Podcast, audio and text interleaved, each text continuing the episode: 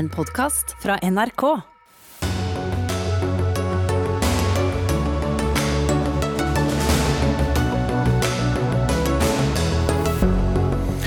Nye nasjonale innstramminger i smitteverntiltakene kommer neste uke. Men regjeringen må fortelle oss hvilke bevis de mener er gode nok til å begrunne disse tiltakene, sier forsker. Det er strid om arbeidsinnvandring på Rødts landsmøte. Ledelsen vil ha krav om tariffavtale for utenlandske arbeidsinnvandrere, mens et sentralstyremedlem kaller nettopp det for usolidarisk. Abortnemndene må bort, mener Norges største senter for seksuell helse. Nei, fjerner du nemndene, fjerner du fosterets rettigheter, svarer organisasjonen Menneskeverd. Og glem svett gymtøy og utslitte joggesko, for den nye læreplanen i kroppsøving nevner ikke ordet idrett en eneste gang. Nå skal elevene bli stimulert til livslang bevegelsesglede, som det heter seg. Ja, Da sier vi eh, riktig god torsdagskveld og velkommen til Dagsnytt 18. Jeg heter eh, Espen Aas, der vi også skal eh, snakke med Kripos, som vil fjerne ordet hevnporno i det norske språket. Hvorfor får du svar på mot slutten av sendingen. Men for noen timer siden så fikk vi høre det. Nå blir det enda en nasjonal innstramming i smitteverntiltak. Det er fra uken. Det varslet helseminister Bent eh, Høie i et intervju med NRK. Det betyr også at folk eh, på steder med lav smitte vil oppleve innstramminger, slik også de som bor der hvor det er høy smitte gjør det. Vi skal straks debattere hvorvidt eh, regjeringen informerer godt nok om hvordan de vurderer ulemper opp mot fordeler med disse tiltakene, men vi får få detaljene først. Bent, Bent Høie, helse- og omsorgsminister, hva er det vi kan vente oss når du sier ny nasjonal strategi eller innstramming? Uh, det er jo rett og slett at vi nå er i en situasjon der smitten igjen er for høy. Den, og, og, det kan ikke vedvare. Så er det jo sånn at det har skjedd mye denne uken. Det har vært mange lokale innstramminger. Oslo, Kristiansand, eh, Vestfold-kommunene følger etter i dag. Eh, men vi er usikre nå på om det er tilstrekkelig til å bringe R-tallet ned til 1. Og det må vi gjøre, og der må vi òg prøve å holde det gjennom mars og april. Mm. Og da må det innføres de samme tiltakene over i hele landet? Nei, det er ikke sikkert. Og det sa jeg òg veldig klart til NRK i dag, at uh, noe av det vi ser på, er jo nettopp om vi kan gjøre noen regionale uh, tiltak. Enten de vedtas lokalt eller nasjonalt. Men vi må òg ha en beredskap for at hvis summen av de lokale tiltakene og regionale tiltakene nå ikke er tilstrekkelige, så kan det òg bli nødvendig med nasjonale tiltak. Men det er ikke sikkert at det blir forsterka nasjonale tiltak i begynnelsen av neste uke. Men det blir forsterka tiltak. Men hva betyr egentlig det? Det betyr at det òg kan være at det blir regionalt der som det er høyere smitte, men at det ikke blir de samme tiltakene i hele landet. Mm. Men de blir styrt eh, da fra eh, et overordnet ja. nivå, altså fra, fra regjeringen? Ja, det er òg noe av det som, uh, vi vil få råd på. Men, men, det må nå være Det som er min, mitt oppdrag da, til Helsedirektoratet og FHI, det kommer tilbake til regjeringen med en vurdering av hva er nå nødvendig for at vi i sum ser at vi realistisk kan få smittetallet ned til 1. Mm. Men hva vil du oppnå med å komme med dette varselet i dag? Er det da for å forhåpentligvis eh, få folk til å, å skjerpe sin atferd eh, til eh, over helgen? Eller er det også en fare for at det motsatte kan skje? At folk tenker nå drar det seg til igjen, nå har vi bare noen få dager igjen i, i frihet? Det, det, er bare én hensikt med det, det er å gjøre det som vi prøver på hele veien. Det gir mest mulig forutsigbarhet.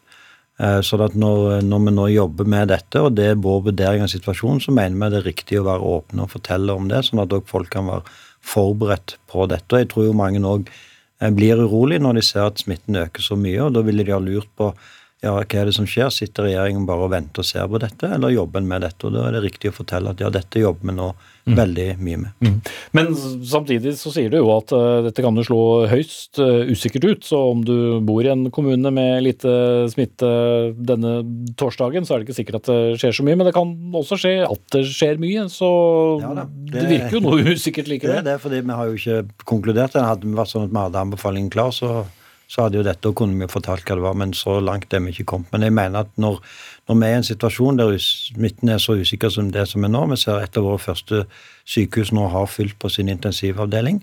Eh, så tror jeg at folk forventer at dette er noe som vi tar på største alvor. Det gjør vi, og da er det også greit å fortelle folk at eh, i begynnelsen av neste uke så må en være forberedt på at det kommer innstramminger. De kan ikke komme. Hvor lenge? To uker? som Eh, det, altså det blir jo, Når vi tar innstramminger, så tar det jo minst to uker før vi kan se resultater av de. Så det må nok regne med at de da vil, vil vare. mm. i, den, I hvert fall det. Ja. Mette Kallager, lege og professor i Oslo universitetssykehus. Du eh, har vært i dette studio før, eh, for du etterlyser mer informasjon, sier bl.a. til Nettavisen at du trenger å vite hvilke fordeler og ulemper som veies opp mot hverandre når vi får eh, nye og strammere tiltak, som f.eks. rødt nivå på, på videregående skoler. Men det kan jo være veldig mange avveininger. Hva, hva, Ja, hva konkret ser du for deg? Jeg ser veldig konkret for meg eh, tre Jeg vil ha beskrivelsen av tre ulike punkter. Det ene er trusselbildet.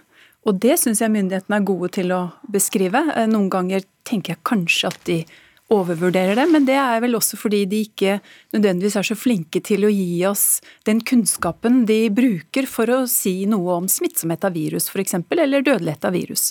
Så jeg savner, savner på en måte en kunnskapsbelagt trusselbilde. Og trusselbildet beskrives. eh, absolutt. Men så er det da tiltakene. Og da forventer jeg meg at vi gjør sånn som vi gjør i vanligvis i medisinsk praksis, at vi beskriver fordeler av tiltakene og ulemper av tiltakene, altså bivirkning av tiltakene. Og fordelene eh, vil jo da kunne beskrives i at du reduserer antall smittede, men, men det er ikke nok. Fordi å være smittet er i og for seg ikke noe farlig. Det er først når du har, blir syk eller blir lagt inn på sykehus, eller dør av det, eh, at det begynner å bli noe som vi er interessert i å få vite noe om. Derfor så ønsker jeg at vi får den nøyaktige beskrivelsen, eller ikke nøyaktig, men så konkret som mulig beskrivelse av fordelene i tapt eh, eh, forhindrede innleggelse på sykehus, i forhindrede dødsfall ved de ulike tiltakene. For prisen det- ved rødt nivå på videregående skoler, prisen det, for å stenge ned virksomheter Ja, men dette må veies. Ja. Derfor så har vi fordelene på den ene siden, trusselbildene, fordelene, og så er det bivirkningene, ulempene. Og de må beskrives på samme måte, gjerne fremstilt i en tabell eller lett fattelig, sånn at vi forstår det. Også belagt med den best tilgjengelige kunnskapen. Og først da kan jo vi som samfunn begynne å diskutere avveiningene og også snakke om prioriteringen. Men når de ikke foreligger, så blir det veldig vanskelig å diskutere de tingene. Høie. Og alt det foreligger, så jeg anbefaler veldig sterkt å bruke Det både stemmer Jo, ikke, Høie. det gjør det jo. Ja, det foreligger hvor da? Det foreligger på regjeringen.no, helsenorge.no og Folkehelseinstituttet sine hjemmesider. Hver gang regjeringen eh, tar beslutninger om tiltak, så er det eh, to eller et dokument som offentliggjøres. Eh, det er jo det faglige grunnlaget der alle disse avveiningene ligger. Så er det sånn at eh, når en gjør dette i form av forskrifter, så publiseres det òg et slags forarbeid til de forskriftsendringene, der forholdsmessigheten òg beskrives, de avveiningene som er gjort. Eh, I tillegg så baserer alt dette seg på en, eh, en eh, langsiktig handlingsplan med den tabellen som du etterlyser. Men dette stemmer også, ikke, Høie. Og så er det òg i tillegg i dette prognoser framover for hvordan smitteutviklingen kan utvikle seg ved ulike scenarioer, og hva det betyr for sykehusinnleggelser. Men det stemmer ikke. Nei, det stemmer ikke. Jeg har ikke sett disse tallene, og ikke kom og si at det er fordi jeg ikke kan lese eller ikke leser, for det stemmer ikke. Ja, ja, det Det, disse, nei, fint. Disse, disse, avveiningene, disse avveiningene foreligger ikke. Hvis de forela, så, kunne, så er det sikkert tall, for du husker smittetallene, du husker R-tallet. Hvis da, eh, la oss ta skolestengning eller eh, videregående skole på rødt nivå. Hvor mange liv eh, har du spart? Hvor mye lidelse og mye mange sykehusinnleggelser har du forhindret ved å gjøre det? Og så vil jeg vite da hvor mye lidelse har du, eh, har du ved at ungdommene på rød, eh, er på rødt nivå? F.eks. depresjoner, selvskading, oppsøking av psykiatri, psykologi. De tallene der, hva er de tallene høye? Hvis, de, hvis dere har produsert de, så har du sikkert en Ja, hukommelse rundt det. det. Det som du sa i ditt forrige innlegg, det du sa det var det best tilgjengelige kunnskapsgrunnlaget. Ja. Noen av de tallene som du etterlyser nå, de eh, finnes jo ikke. Men det er det jeg Eh, etterlyser, det er det jeg vil at dere skal kan- regne kan på. Ikke, jo, eh, det, men det faktisk Belagt med det beste, beste Hvis jeg kan få lov å Ja. fullføre et resonnement, så hadde det vært veldig fint for debattens skyld. Eh, Det er sant at En del av de tallene som du etterlyser, de skulle jeg òg gjerne ønske at vi hadde. Men det har vi dessverre ikke et godt nok Altså det, det, det? Nei, Noen av de beregningene de er det dessverre ikke mulig å gjøre. Men det som vi har, det er det best mulige kunnskapsgrunnlaget. Og det legges fram. Og dessuten, når vi ikke har kunnskapsgrunnlag, altså tall, sånn som du etterlyser, så må vi bruke andre metoder. og Det betyr at vi f.eks. har egne ekspertgrupper eh, som eh, jevnlig eh, gir den type analyser, rapporter, som f.eks. beskriver hva betyr dette for de mest sårbare barna? Hva effekter ser vi i helsetjenesten? Hva ser vi av henvisninger inn, inn mot psykisk helse? gir oppsummeringer, kunnskapsoppsummeringer på det som en del av regjeringens beslutningsgrunnlag. Jo, men det virker som det de har mest av, er jo det som er på den ene siden av det Kallager beskriver, nemlig dette kan være øh, Altså, man, man, beskriver mye lettere fordelene ved en innstramming uten av kostnadene. Og hvis ikke vi har de kostnadene, hvordan kan vi da være sikre på at tiltakene er riktige? Det er faktisk det motsatte som er tilfellet. Eh, vi har de beste beskrivelsene av de negative konsekvensene av de tiltakene vi innfører. Så der er, har vi egentlig et mye bedre kunnskapsgrunnlag enn når det gjelder eh, effekten av tiltakene på, på, smitte. Så noe av det som jeg ønsker meg aller mest framover, det er at vi får etablert kunnskapssystemer som òg gir oss bedre kunnskap om hvilken effekt enkelte tiltak har på smittespredningen. Men de negative effektene av de ulike tiltakene de er veldig grundig eh, beskrevet. Mm. Men ingen av de du ser etter? Nei, det er ikke disse. Og det som er hele poenget, er at du må vekte disse opp mot hverandre. De må stå sammen, sånn at du kan lese ja. tallene for hvor mange du forhindrer ved ulike tiltak. Og da er det ikke sånn at man ikke skal bruke noe kunnskap. Det kan være at det er bare basert på en faglig vurdering, hvis det er det beste kunnskapet vi har ja. akkurat nå. Det er det med, gjør. Ja, men Kan du da fortelle meg, ved å ha skolene på rødt nivå, hvor mange sykehusinnleggelser har vi forhindret? Nei, det er det jeg sier, Den type tall har vi ikke. det er det ja, men Den kan det, du basere på fagligheten i nei, dine faglige Det ja. fins mange fag, eh, fagmedarbeidere. Det fins ja. universitetene, du har helse, eh, Folkehelseinstituttet, du har Helsedirektoratet. Dette er tall som dere må be om. Og så må vi fortelle dere dette er det kunnskapsgrunnlaget vi har. Dette er beregningene våre. Som, som, jeg sa, det Vi vet ganske mye om det er de negative konsekvensene. Men hvert enkelt tiltak sin effekt på smittespredningen, det vet vi dessverre mindre om. Der vet vi mer om summen av eh, tiltakene. Eh, og heldigvis har jo summen av tiltakene vist oss at Norge er et av de landene i verden som har kommet godt ut av dette. Mm. Både når det gjelder men, men, det å ta vare på liv og helse, og, det, nei, ja. og på økonomi. Så det er jo, og Derfor har vi jo òg eget utvalg med mennesker som har kompetansen på samfunnsøkonomi. Holden-utvalget. Som òg er en del av grunnlaget. Ja, for du snakker lenge, lenge om gangen, og det er fint. Og jeg er ikke så trena på å være politiker som deg. Men det som er greia her, er at um, gitt at vi skal prioritere, gitt at vi stenger f.eks. skolene eller setter de på rødt nivå, så må vi vite du kan vel ikke prioritere godt hvis ikke du vet hvor mange du har forhindret av å legge inn på sykehus. F.eks. ved å ha skolene på rødt nivå. Hvordan kan du ta gode beslutninger hvis ikke du har disse tallene? Nei, og Hvis jeg hadde lagt til grunn at jeg måtte ha tall med to streker under for enhver beslutning, så hadde vi kommet i en situasjon der vi ikke kunne ta beslutninger. Jeg sier ikke at det skal være to streker under, jeg sier at det skal være den beste ja. kunnskapen tilgjengelig i det øyeblikket du tar beslutningen. Det kan være bare en modell basert ja. på noen tanker noen har. Og det er nettopp det vi har. Og de, har ja, men de, hvor mange, har du, hvor mange sparer vi? På alt de sammen hvor mange ja, sparer det? Det tallet sier det har vi ikke, fordi det er faktisk ikke tilgjengelig. Jo, men Hvordan det, tar men du det, dine beslutninger da? På det som du nettopp sier, det best tilgjengelige kunnskapsgrunnlaget produsert av de Ja, men Da må du fortelle oss hvor mange er det vi forhindrer ved å bli lagt inn på sykehus? Jeg forstår ikke hvordan du tenker. Jo, som du sier, når jeg sier til deg at det tallet er det ikke dessverre mulig nå å beregne eller å få vurderinger av. Men det vi får vurderinger av, det er det som du sier, som jeg er helt enig med deg i. Når vi tar beslutninger, så må vi gjøre det på det best tilgjengelige kunnskapsgrunnlaget. basert på ja, de vi, vi må unna nå, men, men det best tilgjengelige er med andre ord, i hvert fall sett med dine øyne, Kallager, langt fra godt nok? Nei, altså det best tilgjengelige er godt nok, men det, det, eksisterer jo ikke. Vi får jo ikke de tallene. Du hører jo hva Høie sier nå, kan ikke svare på spørsmålet. Men av og til er ikke det best tilgjengelige mulig å gi opp i et tall. Av og til er det best tilgjengelige mulig å gi opp i en Da kan man gi en spredningstall. Ok, vi går i ring nå. Jeg må sette strekk, men uh, en viktig, viktig runde. Bent Høie, helse- og omsorgsminister fra Høyre. Mette Kallager, lege og professor ved Oslo universitetssykehus.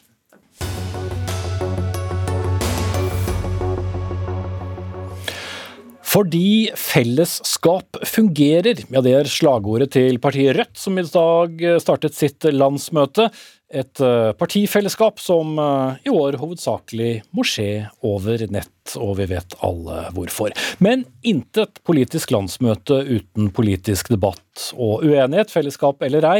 Et av forslagene til landsmøtet er krav om tariffavtale for arbeidstagere fra EØS-området for at de skal få oppholdstillatelse. Dette er et forslag som ledelsen står bak, men et mindretall i programkomiteen har tatt eh, dissens og vil ikke ha dette kravet. Og du, Mariette Lobo, sentralstyremedlem i Rødt, støtter denne dissensen. Hva mener du kan bli konsekvensen dersom det skulle bli gjennomslag for eh, dette forslaget i programkomiteen? Eller fra programkomiteen? Jeg vil først begynne å si at jeg er sosialist, det er derfor jeg er med i Rødt. Fordi Rødt tar på alvor at eh, det er arbeiderklassen som er den kraften som kan endre verden. Og det forutsetter nettopp fellesskap, som du innleder med. Mm, og det eh, blir ikke fellesskap ved et slikt forslag, er det sånn å forstå?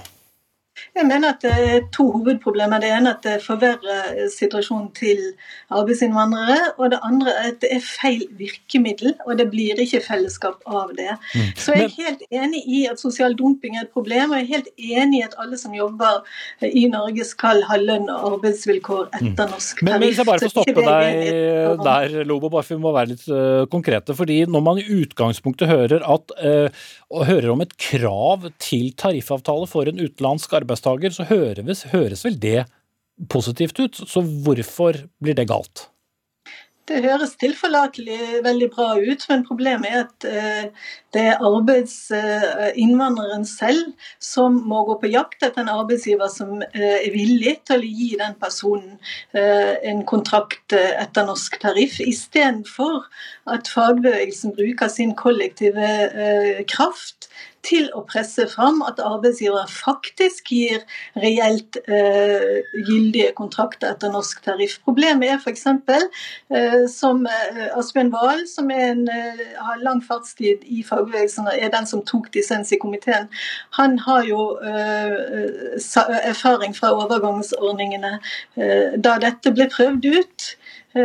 Og et av resultatene var at arbeidsinnvandrere fikk ulike kontrakter. Sant? Den ene var formelt riktig, mens personen i realiteten fikk dårligere lønns- og arbeidsvilkår. Og Løsningen er jo ikke at den enkelte arbeidstaker eh, skal gå på jakt etter den riktige kontrakten. Vi stiller jo ikke det eh, premisset for noen som helst andre arbeidere. Ok, Da skal vi da, forsøke å få en uh, liten oppklaring på det ved å vende oss til deg, Bjørnar Moxnes, som stadig er leder av Rødt, og tilhører da Eh, den som støtter flertallet i, i, programkomiteen. Dette var jo eh, kraftig kritikk eh, mot ledelsens linje. Hvordan vil du svare? Nei, Det har jo vært Rødts politikk i mange år at vi både må ha tiltak nasjonalt, få vekk bemanningsbyråene, få et forbud mot det, sikre at staten tar over arbeidsformidlinga. En rekke tiltak nasjonalt, i tillegg til at vi har en eh, motstand mot EØS-avtalens eh, frie flyt, som i kombinasjon med bemanningsbyråfrislippet gjør det mulig for arbeidsgiverne ja. Eh, å importere arbeidskraft som de grovt utnytter, og som opplever sosial dumping. Men nå er det tariffavtale for arbeidstakere fra EØS-området? Ja, så har vi et, hatt en politikk, og har det fortsatt, at for å få arbeidstillatelse for EØS-borgere, så skal de ikke ha vilkår som er under de vilkårene tariffavtalen fastsetter. Så egentlig løfter vi jo sånn sett gulvet for EØS-borgere som kommer hit, eh, mange fra Polen, mange fra Litauen og andre land i Øst-Europa, som i dag utnyttes. Og hvis man avdekker brudd på den bestemmelsen, sier vi at da skal eh, arbeidsgiver straffes for det. Og gjerne straffes eh, så hardt at det får en preventiv virkning, for å unngå nettopp det som Mariette tar opp at du vil ha folk som vil prøve å unndra seg dette. Men gjør det også vanskeligere å være utenlandsk arbeidstaker? Hva sier du? Men gjør det ikke da også vanskeligere for en, eh, en arbeidstaker fra EØS-området å helt tatt få oppholdstillatelse? Nei, for det gjelder arbeidstillatelse. Og det blir tvert imot en bedre situasjon for de som kommer hit fra eh, land i Øst-Europa. Fordi i dag er jo de prisgitt uh, sjefens velvilje. De lever jo dessverre veldig ofte på arbeidsgivers nåde. Hvis de blir med i en fagforening, hvis de krever sin rett, får de ofte ikke flere oppdrag. Så har fagbevegelsen, særlig innenfor bygg og anlegg, i over ti år gjort alt de kan for å få opporganisert, for å få folk med i fagforeningene og beholde den norske modellen i arbeidslivet. Vi ser at mens det arbeidet pågår, så har org-graden rast fra 30 til under 10% på Mm, byggeplassene. Organiseringsgraden, altså. Uh, ja, uh, Ja, så det å bare si at vi skal organisere uten å ta tak i EØS-avtalens frie flyt, det mener jeg er litt naivt, og hjelper ikke de som blir utnytta av okay. arbeidsgiverne, Lobo, mange da kan du svare på det. Nå har vi nettopp hatt en uh, aksjon fra heismontørene som vant, som viser hvordan fagbevegelsen kan uh, eh, aksjonere for å vinne gjennom på saker som kan virke håpløse i utgangspunktet. Og nå er veldig mange, eller de, alle heismontørene organisert, så jeg tar det poenget om at ikke alle bransjer er like, har like høy fagorganisering. Men fagbevegelsen er jo en samlet bevegelse, så solidaritetsaksjoner er jo fullt mulig eh, å gjennomføre i solidaritet med bransjer der eh, organisasjonsgraden er lav. Det er ikke sånn at fagbevegelsen har brukt opp alle sine virkemidler. Det vil jeg utfordre Bjørnar tilbake på. Hvorfor går dere eh, og skyver arbeidsinnvandrere foran som de som skal ta belastningen, og til syvende og sist miste sin oppholdstillatelse? For det er det Så- som er ja, praksis. Svar kort på det, Moxnes. Ja, Det er jo overhodet ikke det vi gjør. Tvert imot styrker vi jo muligheten for å kunne kreve sin rett for de som kommer hit fra Øst-Europa. Og så er vi i tillegg helt enige om, tror jeg, at vi er for en rekke viktige grep nasjonalt. Få vekk bemanningsbyråene, som er en uting som, som Ok, og, bekjemper en, og, og, fagbevegelsen. og en annen minst eh, sak. Eh, dere skal få lov til å debattere ikke videre på Jo, det henger sammen, åpenbart, men vi snakket om, eh, om tariffavtalen. Jeg skal sende dere tilbake til landsmøtet. Bjørnar Moxnes, leder av Rødt, og Marietta Lobo, sentralstyremedlem, og vende meg mot Magnus Takvam, politisk kommentator her i NRK. Om ja, åtte minutter skal etter planen debatten om arbeidsinnvandring starte. Hva er det slags politisk strid vi, vi ser her, og, og hvorfor er den viktig? For det første så er bunnplanken i dette at eh, Rødt, i likhet med eh, mange i fagbevegelsen og på venstresiden, og for så vidt eh, et bredt politisk flertall, vil arbeide mot sosial dumping, som jo åpenbart er blitt et stort problem i det norske arbeidslivet etter utvidelsen av, av EU og EØS-avtalen også i, i to, etter 2004. Eh, Så intensjonene fra begge hold her er, er gode.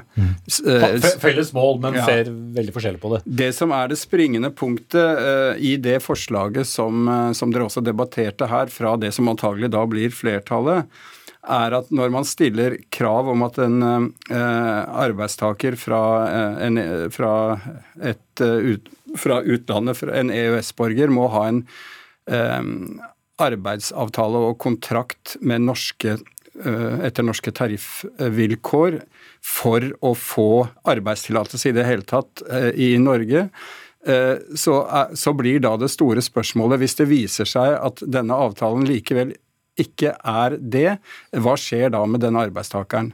Eh, Da står det i flertallsforslaget at det er arbeidsgiveren som da skal ta blamen og, og få, få straff. Men, Men det vil jo gå utover arbeidstakeren. ja, eh, og, men frykten er jo selvfølgelig da at veldig mange arbeidstakere i en slik situasjon vil la være å varsle om eh, arbeidsforhold som ikke er i tråd med gjeldende tariffavtaler, fordi de da risikerer å miste arbeidstillatelsen. Eh, De vil ofte kunne, De er den svake part her. De vil ofte kunne foretrekke å ha en litt dårligere betalt jobb enn det de kan få i sitt hjemland. Så at Hovedinnvendingen eh, mot denne endringen er at den eh, fører til en, et, makt, en, for stor makt til arbeidsgiverne, og at arbeidstakerne risikerer eh, å, å få en svekket posisjon. Så det er konflikten. Men, men hva står på spill for Bjørnar Moxnes og, og ledelsen, som da tilhører flertallet i, i programkomiteen? Jeg tror altså det er, eh, Dette var oppe i partiets landsstyre, og da tror jeg det var to tredjedeler eller noe sånt som gikk inn for den linjen som Moxnes eh, står for. Så mye tyder vel på at landsmøtet vil, vil støtte det. Men de skal vi si, ekspertene jeg har fort, eh, fort, greid å snakke med om dette, peker på mange, mange, at det kreves en ganske stor jobb for å, for å på en måte juridisk få, få, dette i ordnede former. Forslaget er ikke uten videre lett, lett, å forstå. Så jeg tror Rødt har en jobb å gjøre med, også med det framover.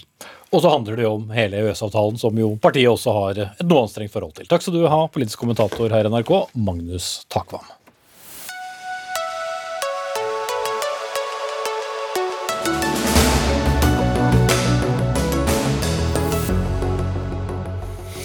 Klokken er 18.25. Du lytter til eh, Dagsnytt 18 på NRK. Og senere i sendingen så skal vi snakke om at Kripos vil fjerne begrepet hevnporno fra det norske språk. Hvorfor det? Jo, ordet skal ta oppmerksomheten bort fra den straffbare handlingen det er ment å beskrive. Og det er jo ikke meningen. Men nå til et tema vi har vært innom mange ganger i Dagsnytt 18, nemlig ordningen med abortnemnder. Den må nå bort sier organisasjonen Sex og Samfunn, det største senteret for seksuell helse her i landet. For eh, de som ikke husker det, er du gravid og ønsker abort etter uke tolv, ja, så må du først møte i en abortnemnd der lege skal avgjøre om du får det. For etter uke tolv så har et foster juridiske rettigheter som disse nemndene da er ment å ivareta. Så hvorfor skal vi da fjerne dem? Torbjørn Broksten, styreleder i Sex og Samfunn og også til daglig eh, overlege i fødselsmedisin ved Oslo universitetssykehus. Jo, eh, til hver tid i samfunnet og også på sykehuset så må man eh, vurdere og se hva er det som fungerer og hva er det som ikke fungerer. Og eh, Britt Inger Nesheim, som var min forhåndværende leder i styreleder i Sex og Samfunn, er jo den legen i landet som har vært i mest abortnemnd, og er helt klar i sin uttalelse på at abortnemnd er noe som ikke fungerer. Det som derimot fungerer, er det vi må bygge opp. Og der tror jeg jeg og min motdebattant er ganske enig. Det som fungerer, er faktisk det at vi trenger å støtte disse sårbare kvinnene. For det å stå i en situasjon hvor man eh, tenker på å gjøre en abort, det er svært komplisert og sårbart. Mm. Ikke minst etter tre måneder. Ikke minst etter tre måneder. Eh, men både før og etter tre måneder så har vi gode tilbud i dag, men det er de vi må bygge ut. Vi har sosionomer på vårt sykehus som tar disse samtalene med disse sårbare kvinnene, og det er det fokuset må være. Ikke de to tilfeldige legene som skal eh, klubbe ned om du skal få ja eller nei. Mm. Ja, Kristin Russand, du er nærmest eh, introdusert allerede. Du er da fungerende informasjonsansvarlig i denne foreningen Menneskeverd, som eh, arbeider da for å styrke rettsvernet til fosteret, som, eh, som, det heter. Men så er det jo også slik at nesten alle begjæringer eller ønsker om abort etter uke tolv blir jo likevel innvilget. Så har da en sånn nemnd så stor relevans ut fra det dere er opptatt av? Ja, vi er, jo, vi er jo opptatt av det prinsipielle rettsvernet i forhold til fosteret mellom da uke 12 og uke 22. Og vi tenker jo at et slikt forslag, da, eh, selv om det i praksis eh, muligens ikke har så eh, vil ha så i en så liksom forskjellig At det vil se så forskjellig ut, så vil det likevel innskrenke barnets rett. Og vi tenker at det er å innskrenke innskrenke rettighet man har. Og det tenker vi er litt bakstreversk. Mm. Men når utfallet ikke er så annerledes som du har en nemnd eller ikke, blir det ikke da veldig prinsipielt, og at vi kanskje glemmer helsen til den som skal bære eller ikke bære frem barnet? En nemnd er jo ikke til for å, for å da svekke kvinnens myndighet, men den er jo til for å gi barnet en stemme. Og vi tenker at hvis eh, hvis vi da ikke skal ha en nemnd, så må vi ha en annen juridisk behandlingsform som skal da eh, bistå barnet, da, eller være en stemme for barnet mellom 12 og 22. Mm. Eh, ja. ja. og Sten, da blir jo på en måte det prinsipielle spørsmålet skal man frata et foster dens juridiske rettigheter fra uke tolv, eller hvordan skal man da ivareta det? Igjen så er det slik at eh, det fosteret ikke har den stemmen. Dette er to leger, det er ingen jurister inne i den gruppen. Det er en, eh, en, en ankenemnd hvor en jurist kommer inn, men fram til en ankenemnd så er det ingen jurister inne. Og der avgjørelsene ofte tas, det er lenge før noe av dette. De fleste som gjør senabort etter uke tolv i dag, eh, er kvinner som allerede har fått beskjed fra en fostermedisiner om at dette ikke er forenlig med liv. Og det å da i etterkant måtte møte to som skal ta en ny avgjørelse og på en måte en dom når du allerede er såpass sårbar, at det er, eh, der er det studier som viser at kvinner opplever fryktelig vanskelig. Men Betyr det at du mener også at uh, leger eller helsepersonell egentlig da ivaretar dette allerede, og at det blir da en unødvendig omvei via denne nemnden? Ja, Eh, fordi vi allerede har på plass eh, på sykehus sosionomer bl.a. som skal ta de som ikke nødvendigvis har fått den fostermedisinske forklaringen på at dette barnet ikke vil kunne overleve. Eh, og det er det behov for. Og der er vi helt enige. ikke sant? Å bygge opp den tjenesten. Jeg, vi ser for oss også at dette her kan skje på senter utenfor sykehus. Jeg har stor tro på at vi kan bygge opp helsestasjoner med både jordmødre og leger som har gode erfaringer til å kunne mm. veilede. Vi ser heller ikke bort fra at det går an å få veiledning fra fra imamer eller prester. Altså Det er mange måter å se det på, men det er den veien vi må gå. Så må vi være ærlige og si at det vi har i dag, det er ikke godt nok. Mm. Rustaden, svar på det. Det er ikke godt nok. Ja, vet du hva? Det vil jeg si meg enig i. og Jeg mener at vi også må bygge ut eh, den tjenesten vi har i dag, med både god oppfølging i forkant og i etterkant. Eh, så, så der er vi helt enige, og det tenker jeg at vi har masse å gå på, for det mm. trenger man virkelig. For, for Vi må jo bare også poengtere det at hvis mm. du vurderer å ta en abort etter uke tolv, så handler det ikke lenger om Hopp sann, noe har skjedd. Altså, her snakker vi da gjerne, som det ble punktert fra Stens side, uh, om at det er, ligger medisinske grunner bak. Ja, og mange står også i et valg hvor man ikke vet så mye. Noen vet veldig mye, og noen vet mindre.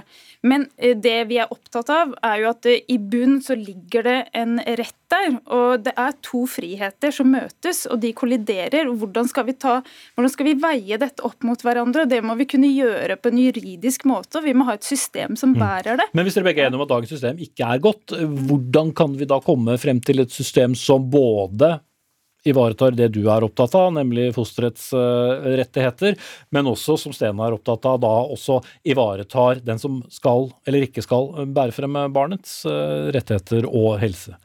Ja, Nei, Som Sex og Samfunn foreslo, da, så foreslo de at vi også kan ha en egen instans som da tar dette med oppfølging i etterkant, og en større på en måte, gruppe som kan gi råd da i forkant.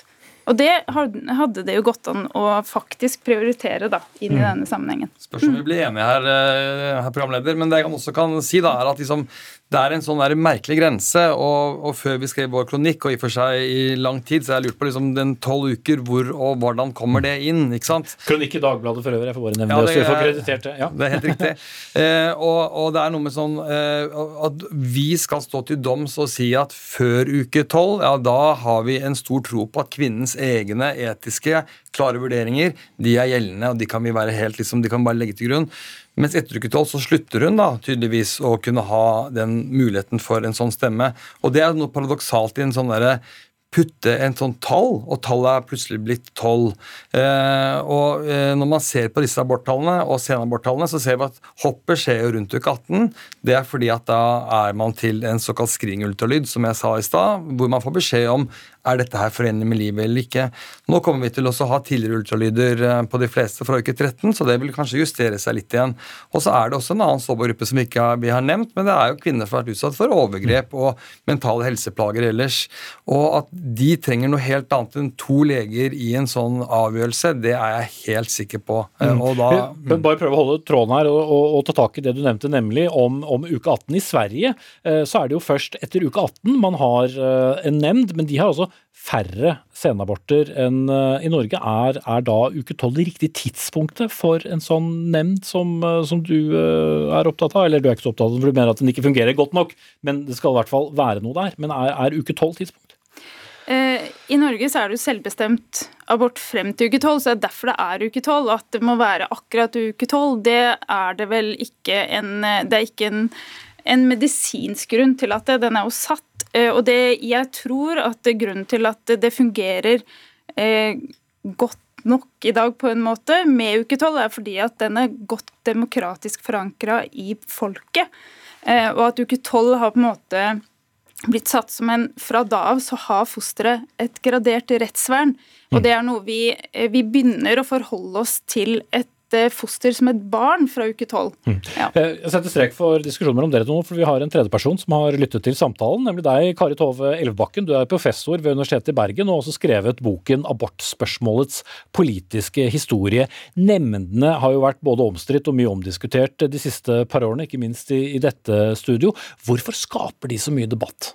Nei, Jeg tror det at uh, spørsmålet om, om nemnd i abortsaken, det er veldig uh, Altså det er et veldig uh, hva skal vi si, et brennbart spørsmål fordi at det har ei historie, og at det har vært omstridt veldig lenge hvem det er som skal bestemme om abort eller ikke. Nemnda kom jo inn i lovgivninga i Norge med loven i 1960.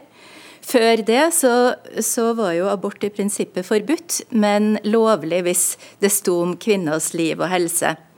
Og så var det da nemnda som etter det uh, skulle avgjøre om kvinner sine grunner for å ta abort var legitime. Og mange tror jeg nok, og det viser jo beretningene fra historier fra 1964 og utover da den loven begynte å gjelde. Det var jo mange som opplevde veldig uverdige møter med nemnd. Det var mye fordømmelse. Det var klart at nemnden på mange måter skulle prøve å unngå eh, at kvinnene skulle få abort. Mm. Eh, og så har jo da dette blitt en politisk eh, betent sak også, som vi vet. Gjerne i, i senere år. Men ut fra den debatten som er der nå, du som kjenner historikken, er det mye som tyder på at nemndene vil overleve i, i sin nåværende form? Jeg tror at det kom en ny, en ny uh, situasjon, egentlig, da vi fikk den endringa av abortloven i 2019 med at fosterreduksjon alltid skulle være bestemt i, i nemnd. For da ble det på en måte sånn at den enigheten om situasjonen fram til tolvte uke ble litt brutt. Og da har det jo alltid vært mange som har ment at eh, nemnda har vært unødvendig eh, fram til 18. uke. Og at da har vi, Nå er det jo mange av de politiske partiene som diskuterer dette spørsmålet i sine program, programarbeider. Så, så, derfor så tror jeg det at uh, også sett i lys av at, uh, at nesten alle aborter i, de, i perioden mellom uh, eh, 12. og 18. uke blir innvilga, så jeg tror kanskje at, eh, at, eh, det kan bli politisk flertall for å endre den situasjonen, ja. Mm. Og jeg vil også si det at det som er litt viktig for perioden mellom 12. og 18. uke, det er jo at da er det også de kriteriene som da skal til for å få innvilga, det er jo veldig liberale kriterier, for dem stammer fra 70-tallet, mm. da det akkurat ikke ble selvbestemt abort. Nettopp. Ok, jeg må sette strek der. Uh, interessant diskusjon. Takk skal dere ha alle tre. Kari Tove Elbakken, professor ved Universitetet i Bergen. Torbjørn Broksten, styreleder i Sex og Samfunn. Og Kristin Rudsaden fra Foreningen Menneskeverd.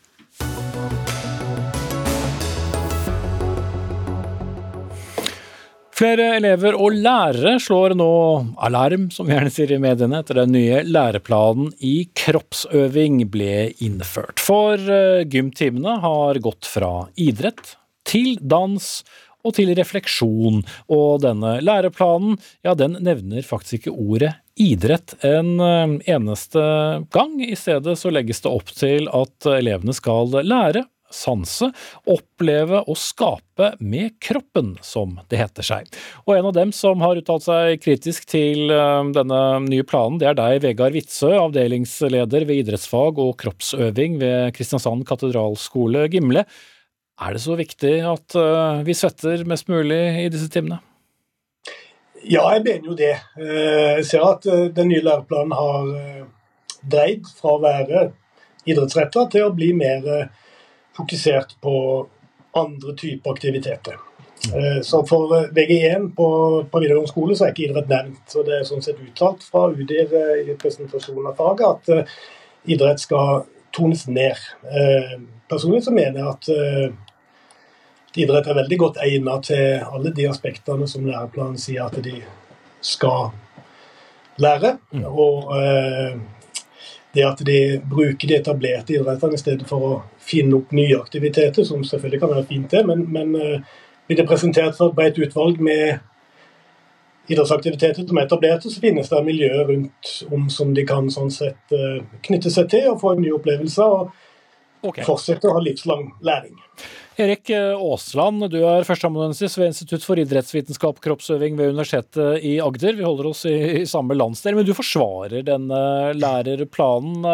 Hvorfor er den god, hvis idrett og det litt sånn klassiske svettingen er på vei ut? Ja, nå er det viktig å presisere at idrett har ikke forsvunnet ut. idrettsaktiviteter skal fortsatt være en sentral del i faget. Eh, den nye læreplanen forsøker nok bare å tone ned eh, graden av idrett eh, og sidestille det med en del andre aktivitetsformer som, som har vært i læreplanen tidligere, men som har foregått i mye mindre grad i praksis. F.eks. Mm. dans, friluftsliv, eh, lek. Mm. Eh, og elevene skal nå praktisere og reflektere samspill, medvirkning, likestilling og, og likeverd. Hvordan ser da en sånn kroppsøvingstime eller gymtime eller fysisk helse, som vi kanskje skal kalle det?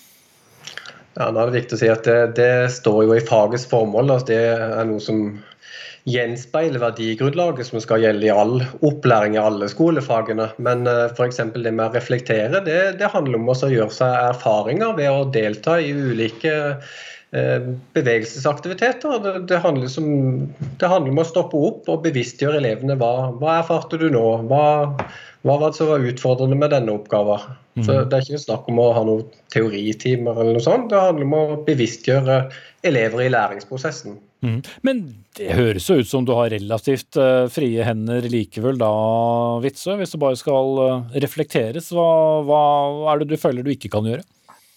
Nei da, jeg føler at en kan gjøre uh, mye. Jeg har bare påpekt at det er en, en, dreining bort fra de klassiske idrettsaktivitetene. Og det er et større fokus på uh, på, på, refleksjon og teoretiske aspekter ved det å være fysisk aktiv. Eh, det er uttalt at det ikke skal være et fag hvor vi trimmer elevene. Det mener jeg kanskje at det, det bør være. Det er det eneste faget sammen med norsk som alle elever har i 13 år, så det er tydeligvis viktig. Jeg tror de trenger ei fysisk aktivitet. Mm. Du skal trenge å gå i dusjen etter en, eh, etter en time? Ja, jeg mener det er viktig. Eh, og så er det òg altså, der, der er andre ting med dette voldsomt økte fokuset på, på, på, andre ting enn prestasjon, så, så de vi favoriserer de uh, flinke jentene som allerede er favorisert i de fleste norske mm. ja, Sier du nå at uh, fotballglade gutter taper ut med, med denne nye læreplanen? Ja, kort og godt. Du, Da skal vi ta inn politikeren eh, som også har sittet og, og lyttet til dette. Anja Johansen, statssekretær i Kunnskapsdepartementet. Det er jo din eh, regjering som har innført uh, dette. Hva er tanken bak denne endringen? Dette handler jo om den prosessen som er fagfornyelsen, fornyelse av læreplanen i alle fagene. En lang og inkluderende prosess der høring av denne læreplanen fikk god oppslutning. Eh, og hensikten var å lage et mer inkluderende kroppsøvingsfag. Så når det blir sagt at dette er en dreining bort fra de klassiske idrettsfagene, så stemmer jo det. De, det er villet. Ja, det er villa dreining. Eh, fra idrett og, og prestasjon til mer variert aktivitet. Og faget er gitt en tydelig retning i tråd med kunnskap om hvordan mange barn og unge opplevde faget. Og så skjønner jeg at det er noen som savna, de vil gjerne hatt mer idrett, men samtidig var det mange som mente at de ble for mye målt, det var for mye prestasjonsjag, og at faget var best egnet for de som uansett holdt på med idrett også utafor skolen. Mm. Men har da Witzøe et poeng med at dette da denne nye læreplanen favoriserer i større grad kanskje de som ikke er like fysisk flinke i, i klassiske uh, idretter, og at de som kanskje ikke er så gode i de teoretiske fagene, mister nå muligheten til å, å hente dette inn med, med, gode idrettsprestasjoner i kroppsøvingsgiven? Nei, det vi har lagd er jo et folkehelsefag der alle elever skal kunne kunne mestre, altså yte etter beste evne. Eh, og når vi kaller det for bevegelsesaktivitet, så har jo lærerne et stort handlingsrom til å fylle det begrepet med, med, ulike ballspill, med dans, med annen bevegelsesaktivitet. Friluftsliv er vektlagt. Og så er det ikke sant at det her er blitt så teoretisk. Altså De ordene som går igjen, jeg leste læreplanen rett før jeg gikk i studio, det er jo utforske og gjennomføre, utvikle ferdigheter, trene på, øve på, forstå og bruke, og samspill. Mm. Så det er rikelig anledning til å bli god og svett mm. gjennom mange ulike bevegelsesaktiviteter. Uh, Erik Aasland igjen også. Flere elever til Aftenposten sier jo at de da synes disse timene har blitt veldig kjedelige og teoretiske. Er det ikke gøyere med, med, med ballspill, og om det blir 3-1 og rett i dusjen? For noen elever som er vant med organisert idrett, så vil det kanskje oppleves kjedeligere når, når de møter mindre av det i faget. Eh, samtidig så er det ikke aktiviteten i seg selv som er det viktige her. Det er hvordan du bruker aktiviteten pedagogisk for å lære elevene relevante kompetanser som de kan eh, få nytte av i, i, i livet ut. da. Det er det som man skal lære i kroppsøving. Akkurat aktivitetene, hva som gjøres, det, der har man som, som sagt stort eh, handlingsfrirom. Mm. Eh, men man skal innom et variert utvalg eh, da. Vitsø? Ja. Ja, jeg, jeg, hører jo hva som er sagt. Og jeg vet jo at kroppsøvingslærere det er dyktige. De klarer å håndtere både ny og gammel plan vi klarer det. Det går veldig greit. Mitt poeng er at vi får en dreining bort fra de klassiske aktivitetene mm. til aktiviteter som iallfall elevene her og andre henvendelser som jeg får, mener at det, det blir for mye eh, refleksjon. Eh, det blir for lite fokus på det å være fysisk aktiv. Mm. Ok, jeg setter eh, strek der. Håper ingen ble så svette at de må dusje etterpå. Vegard Witzøe, avdelingsleder idrettsfag og kroppsøving ved Kristiansand katedralskole Gimle. Erik Aasland, førsteamanuensis ved Institutt for idrettsvitenskap og kroppsøving ved Universitetet i Agder. Og statssekretær Anja Johansen i Kunnskapsdepartementet fra Venstre.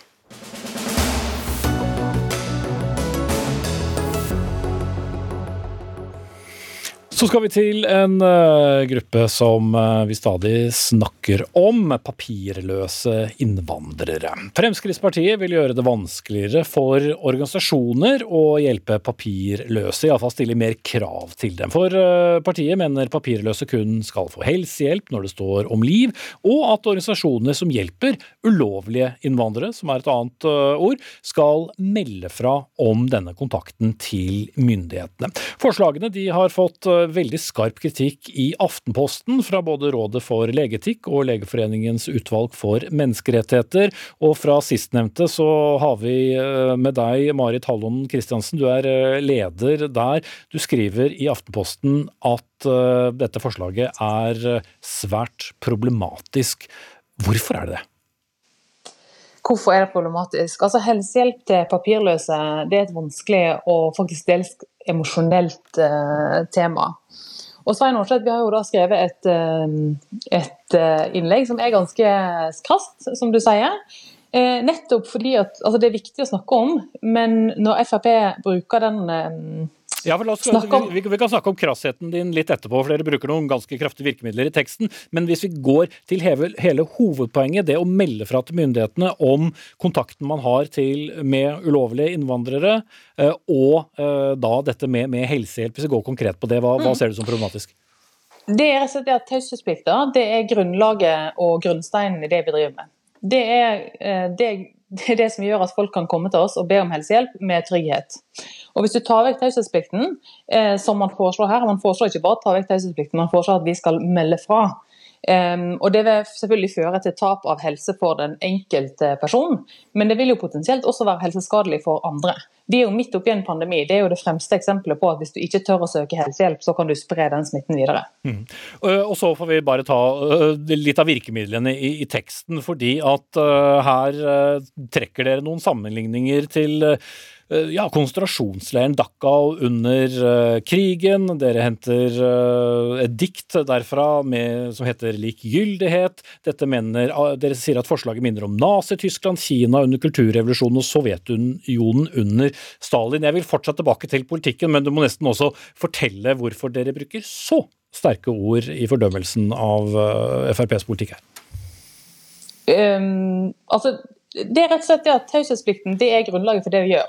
Eh, og vi har hatt disse her, eh, de, de eh, landene vi ikke liker å sammenligne oss med, som det heter. De har hatt den politikken at du faktisk skal angi de menneskene du kommer i kontakt med i egenskap av å være helsearbeider. Mm. Og Jeg har fått masse tilbakemeldinger fra kollegaer i dag, både leger og andre som ikke er leger. Og de sier det samme som meg. De sier at det er faktisk himla vanskelig å, å snakke om det, fordi at det, det rører med det helt grunnleggende prinsippet for oss som helsearbeidere at Eh, pasienten må ha tillit til oss. Ok, nå da er det det er poenget tatt opp. Da, vil jeg stoppe deg, for Vi har nå rundt fire minutter igjen av denne samtalen. Og Jon Helgheim, innvandringspolitisk talsperson for Fremskrittspartiet, jeg er sikker vi kunne brukt de fire minuttene med å snakke om sammenligningen med både Kina og, og nazister osv. Men kan vi heller ta selve forslaget? For det, det er et svar fra Fremskrittspartiet på Dokument 8-forslag fra, fra SV. Men hva, hva konkret er det du mener er poenget med dette med helsehjelpen og meldeplikten? Ja, eh, Hvor vanvittig de påstandene og sammenligningene er, det taler for seg selv og gjør vel egentlig hele innlegget usaklig, men jeg skal prøve å forholde meg til politikken i det likevel. Eh, Og Det eh, vi sier i det forslaget, det er egentlig to ting. Det ene er at vi mener at også frivillige organisasjoner skal forholde seg til det som er norsk lov, og det er at man ikke skal gi helsehjelp til ulovlige innvandrere utover livsnødvendig hjelp. Det er det ene. Det andre er at vi sier at frivillige organisasjoner også på lik linje med andre skal være forplikta til å melde fra når de er i kontakt med ulovlige innvandrere. Det har ikke vært sagt at eh, det skal være nødvendigvis helsepersonell og leger som kommer i kontakt og gir livsnødvendig Så helsehjelp. andre organisasjoner Men- dere mener? Eh, organisasjoner gir veldig mange tilbud og rettigheter, egentlig, til ulovlige innvandrere. Og det er jo de to forskjellige tingene vi har tatt opp. Vi har aldri sagt noe i nærheten av det som blir påstått i dette innlegget. Og dette her er en sånn Så- så- grov Ok, så, så, leger de kan ivareta uh, den helse... Men, men du mener samtidig at med mindre det står om livet, så skal det ikke gis noen form for helsehjelp? Står det om livet, så skal alle få helsehjelp. Det får man av det offentlige systemet også, så man trenger ikke de frivillige organisasjonene til det. Men ingen legger seg opp i hva man gir av livsnødvendig helsehjelp. Det vi snakker om, det er det som ikke er livsnødvendig helsehjelp. Det kan være fysioterapitimer og andre ting. Det kan være overnattingstilbud. Det kan være et stort spekter av det frivillige organisasjoner i dag gjør. Men det kan være mye helsehjelp som er rett under det å gi livsnødvendig legehjelp? Der, derfor, er vi inne, derfor er vi inne på nyanser her. Det kan være vanskelige avgrensninger. Det skal jeg være villig til å innrømme. Jeg skal også være villig til å innrømme at eh, Legeforeningen peker på noe viktig, og det er legers taushetsplikt. Mm. Den kunne vi sikkert fått bedre fram, at den ønsker vi ikke å rokke ved. Men det, kom, det står heller ikke at vi ønsker det i våre merknader, som Greit. vi også har referert. Derfor er dette her noe de har tatt bevisst ut av sammenheng for å sette oss i hardkorn, eller slå oss i hardkorn med Hitler og andre despoter. Okay, og det, men- men- det, det blir veldig useriøst. Kristiansen, eh, med presiseringene fra Helgheim, er du mer beroliget enn da dere forfattet eh, dette Nei. innlegget? Nei. jeg er ikke det. fordi at eh, for det første, sant, Manglende rett til helsehjelp det er faktisk ikke det samme som at det er ulovlig. Eh, hvis jeg skulle, altså Det finnes tusenvis eh, det finnes veldig mange eksempler på ting som man ikke har rett til. Man har ikke rett til å operere brystene sine for forstørre, men det er jo på ingen måte ulovlig å gjøre det. Sånn at det, den, eh, skiller, det skillet der. Og så er det sånn, hvem er det som driver organisasjoner som yter helsehjelp? da? Ja, men Det er jo helsepersonell. Det er jo leger, og sykepleiere, og psykologer og fysioterapeuter. Sånn at hvis du skal si at organisasjonen skal ha meldeplikt, men, eh, men det helsepersonell som yter helsehjelpen skal ikke melde plikt. det henger jo i hvert fall ikke sammen. Ok, Helgheim, presiser Det, det, er og svar fullt, på det. det er selvfølgelig fullt mulig å skille på akkurat det, men det kan være en diskusjon hvor skal skillet gå på hva slags tilbud man gir. Det kan man diskutere, så det kunne vi hatt en saklig diskusjon om. Men eh, det er sånn i dag at man kanskje ikke er ulovlig å gi en del tjenester til folk som egentlig ikke har rettigheter i Norge, men det er det vi tar til orde for. At vi mener det skulle vært ulovlig for frivillige organisasjoner å gi helsehjelp utover det man har rett til. Fordi man da? undergraver jo det, hele det norske lovverket ved å gi rettigheter til Jo, folk som sagt ikke har bare det. for å få tak i det, og tiden renner litt ut, men Nevn et eksempel på en organisasjon som du i dag mener gir noe som er det du vil forby dem å gjøre. Røde Kors driver eh, fullverdige helsestasjoner for ulovlige innvandrere her i Oslo. Eh, og vi mener at det er med på å undergrave hele eh, lovverket på eh, innvandringsloven eller utlendingsloven.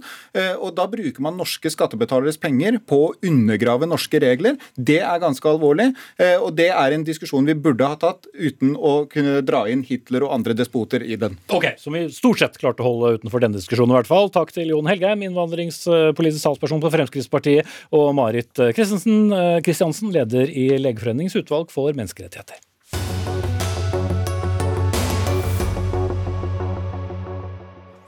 Og til slutt i Dagsnytt 18 så skal vi høre at eh, Kripos vil at vi skal slutte å bruke begrepet hevnporno for å beskrive da handlingen der noen legger ut seksuelle bilder av noen på nett eller sprer det digitalt. Med formålet om å sverte eller da ydmyke vedkommende. Og hvorfor vil dere da fjerne selve ordet hevnporno? Eh, Kjetil Haukås, du er assisterende sjef i Kripos. Eh, ja, takk. Eh, det var fordi det var egentlig en debatt som begynte i Danmark rundt 2017 som vi ble oppmerksom på, men som satte lys på det at hevnporno er etter vårt skjønn et dårlig begrep, fordi hevn gir jo en assosiasjon til en gjengjeldelse, at du fordriver vondt med vondt. Det er ikke noe urett som skal gjengjeldes. Dels er det også slik at uh, det ikke nødvendigvis er et pornografisk materiale man snakker om, i hvert fall ikke sett fra de som får misbrukt tilliten, at dette spres videre. Og eh, det slo oss at uh, dette gjør noe med litt sånn salt i såra på de som blir utsatt for en sånn krenkelse. Mm. Og det flytter perspektivet egentlig over fra gjerningsmannen over mot offeret. Og Vi har jo da fått en del tilbakemeldinger når dette debatten har kommet også fra folk som sier at dette her var veldig bra, fordi at de ikke har tenkt på det sånn, og de har gått med litt skyld og skamfølelse. Det stigmatiserer ofrene. Mm. Ja, og, og, gjør da også sikkert noe med synet vårt på, på, på overgriperne, de som står for spredningen da, av, av, bildene og, og, slik sett begår et kriminelt, en kriminell handling eller et overgrep. Men hva skal vi si i stedet? Ja, jeg tenker veldig det. Jeg tenker at eh, Språk dreier seg mye om holdning og holdningsskapning. og de fleste syns jo ofte at det er noe litt sånn unnskyldende med når du hevner noe. Sant? Da har du en eller annen grunn til det, da, som ikke, sånn, ikke straffefriende. Så er det liksom litt berettiget harme i det, og det må vi bort fra. Mm. Men, men hva skal vi si i stedet?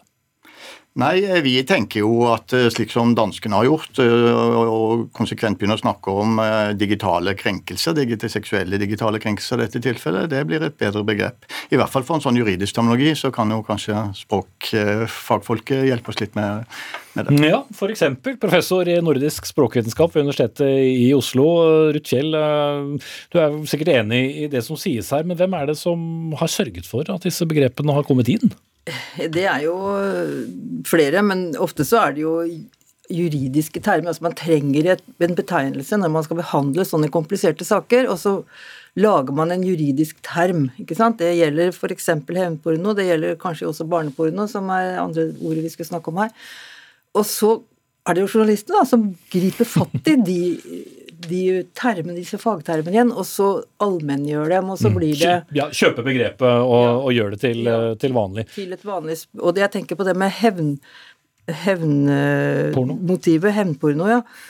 At det er sånn veldig sånn patriarkalsk perspektiv. Fordi mm. Det betyr at de skal hevne at denne kvinnen, denne jenta, hva det er, har forlatt dem. Og de eier dem jo egentlig. De har retten på dem. Og, når de ikke finner seg i det, så skal de hevne seg. Har du forslag til bedre ord? Eh?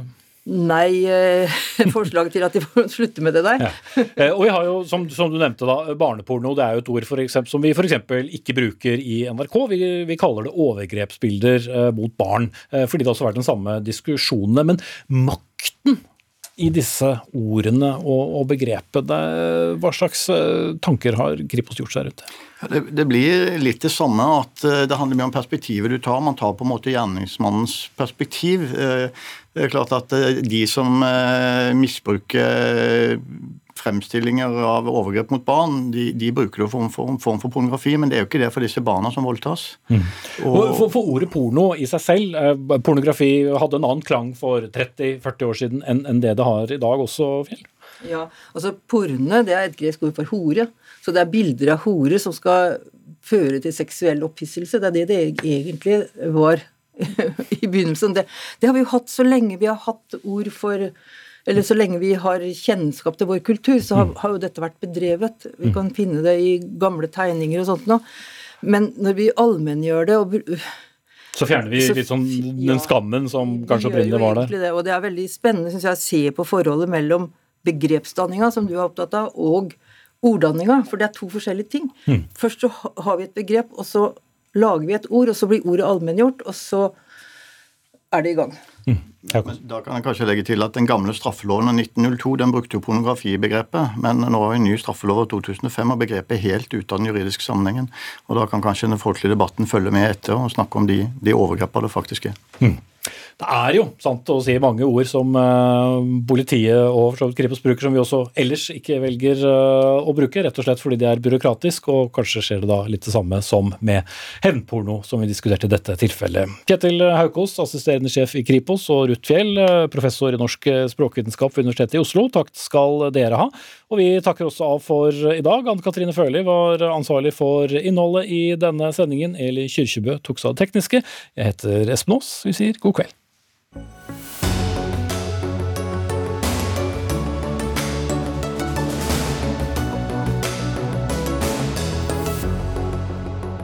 har hørt en podkast fra NRK. Hør flere podkaster og din NRK-kanal i appen NRK Radio.